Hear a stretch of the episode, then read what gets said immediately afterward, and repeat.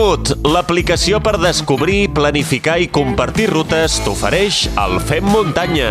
Què tal, fem muntanyeros? Benvinguts i benvingudes. Eh, com sempre, tots els dilluns, el repàs a l'actualitat i com sempre ho fem amb l'Albert Torrent directament des de la redacció d'ultrascatalunya.com. Hola, Albert. Hola, Xavi, què tal? A veure, eh, han passat cosetes aquest passat cap de setmana i moltes més que han de passar d'aquí pocs dies, així que tenim una mica de teca, més teca que tindrem dilluns vinent, així que no us perdeu, com sempre, aquest repàs que fem aquí al Fem Muntanya i a ultrascatalunya.com.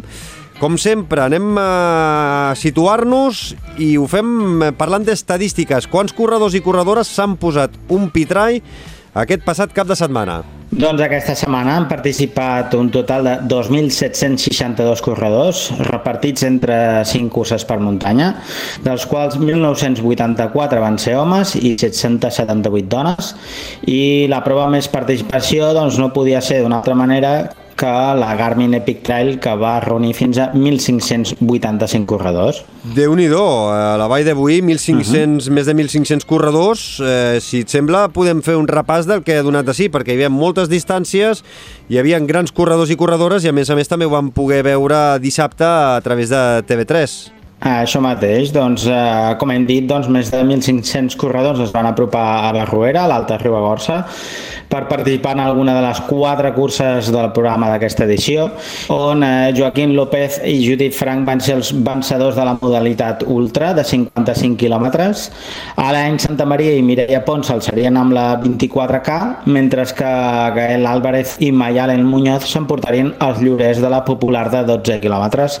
I capítol a part doncs, mereix la distància marató que enguany formava part del calendari de la Copa del Món d'Sky Running i on Raúl Ortiz i Ollana Azcorbebeitia doncs, van ser els vencedors d'una exigent cursa de 42 quilòmetres i 2.800 metres de desnivell positiu i on també direm que la selecció catalana a la FEC va tenir un bon paper on Georgina Gavarró va ser tercera eh, dona Sergi Garcia en quarta posició masculina, Julen Calbó sisè, Martí Lázaro setena posició i ja fora de la combinat català doncs Raül Butazzi, eh, un dels eh, clàssics de, de casa nostra doncs va ser cinquè i Abel Carretero onzè doncs van ser un, els altres resultats destacats i per últim, com bé has dit abans doncs direm que TV3 va tornar a apostar per una retransmissió en directe a través del seu canal Esport 3 i després de l'èxit aconseguit en la passada olla de Núria. Mm -hmm. I la propera retransmissió, retransmissió serà la Ultra Pirineu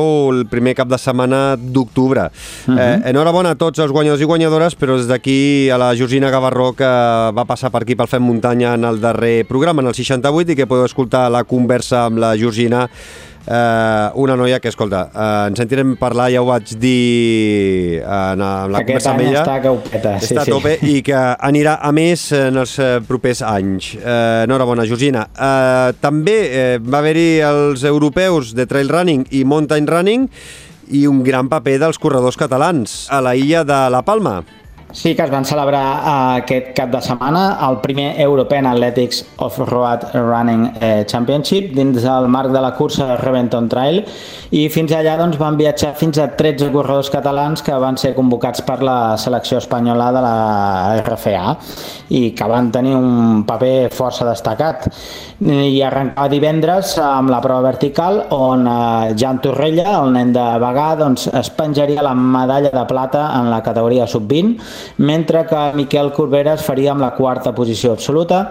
Dissabte els corredors s'enfrontarien amb la prova lineal de 45 quilòmetres i on Núria Gil doncs, es faria amb la medalla de plata, mentre que Anna Comet es classificaria en cinquena posició.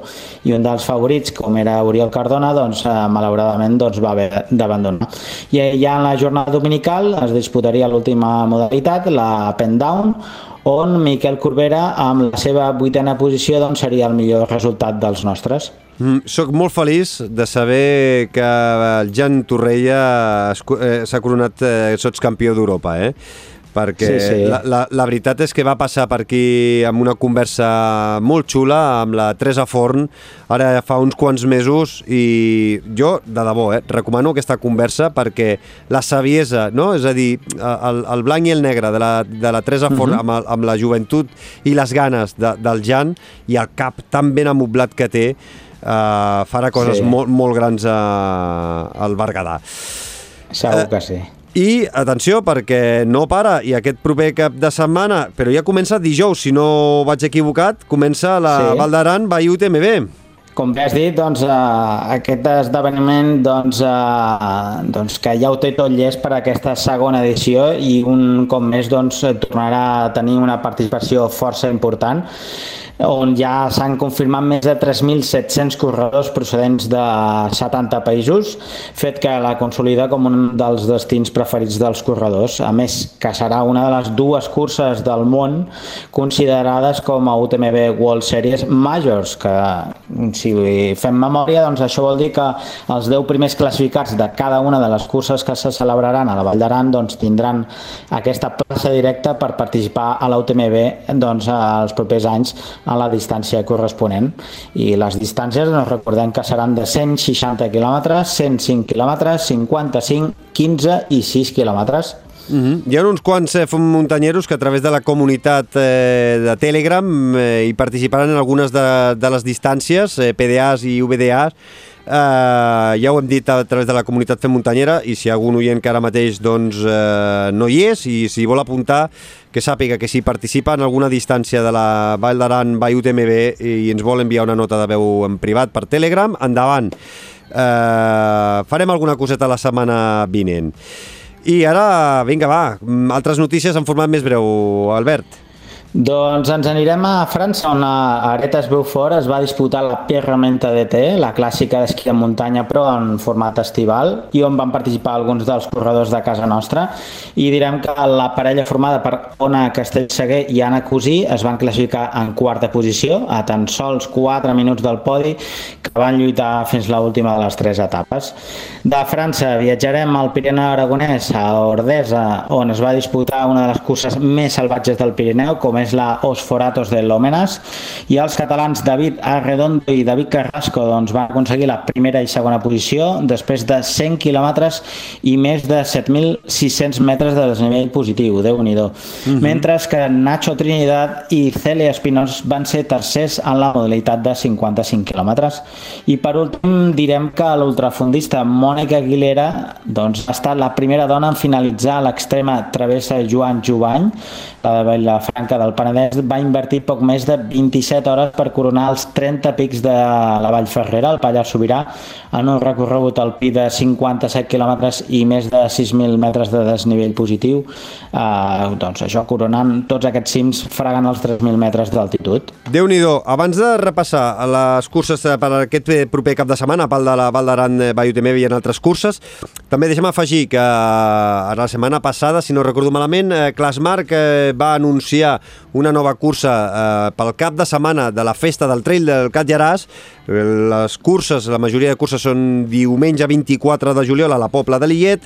S'han inventat, atenció, una festa el 23 de juliol, una cursa que es diu, eh, li han dit La Resistència, eh, començarà a les 6 de la tarda, seran 3 hores, una cursa per parelles en, la, en les quals doncs, eh, un membre de cada equip eh, haurà de fer una, bueno, un, un, un recorregut d'aproximadament 2 quilòmetres i 80 metres de desnivell positiu i aniran intercalant-se eh, un corredor cada vegada, cada volta i guanyarà qui l'equip que més voltes facin aquestes 3 hores, de 6 a 9, eh, passarà per dins de la Pobla de Lillet i que recorrerà part del bosc de Ventaiola eh, per sobre de la Pobla de Lillet. Així que, atenció, que si voleu podeu participar i si pugeu el cap de setmana a gaudir de la farra del Trail del Cap Llaràs dissabte, doncs eh, hi ha aquesta proposta que anirà escalfant els motors eh, de tots els corredors de diumenge.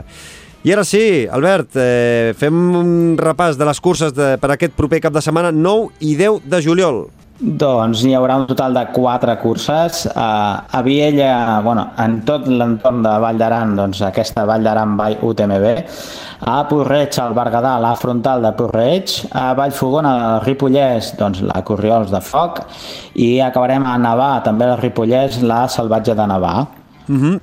Doncs eh, abans d'acabar, Albert, eh, deixa'm recordar que si no ho heu escoltat, eh, podeu recuperar quan vulgueu el Fem Muntanya 68, és del darrer programa que hem publicat, amb converses amb la Georgina Gavarró, l'Anna Grífols, el Marc Cornet, el Toni Font, també tenim eh, el Guillem Marchal. I, aquest, i atenció, perquè aquest proper dijous 7 de juliol arriba el programa 69, un número que potser agrada més d'un, pues, eh, aquest dijous arriba aquesta penúltima edició, penúltim programa d'aquesta segona temporada. Així que estigueu atents, que jo crec que agradarà a molta gent el programa que estem eh, treballant i estem preparant per aquest proper dijous. Albert, ens escoltem dilluns vinent amb molta teca, sobretot Valdaran Bay UTMB. Així que mm -hmm. estigues atent, que ens ho hauràs d'explicar tot d'aquí set dies. Cuida't, una abraçada. Molt bé, una abraçada. Adéu, Xavi. Comut, l'aplicació per descobrir, planificar i compartir rutes t'ha ofert el Fem Muntanya.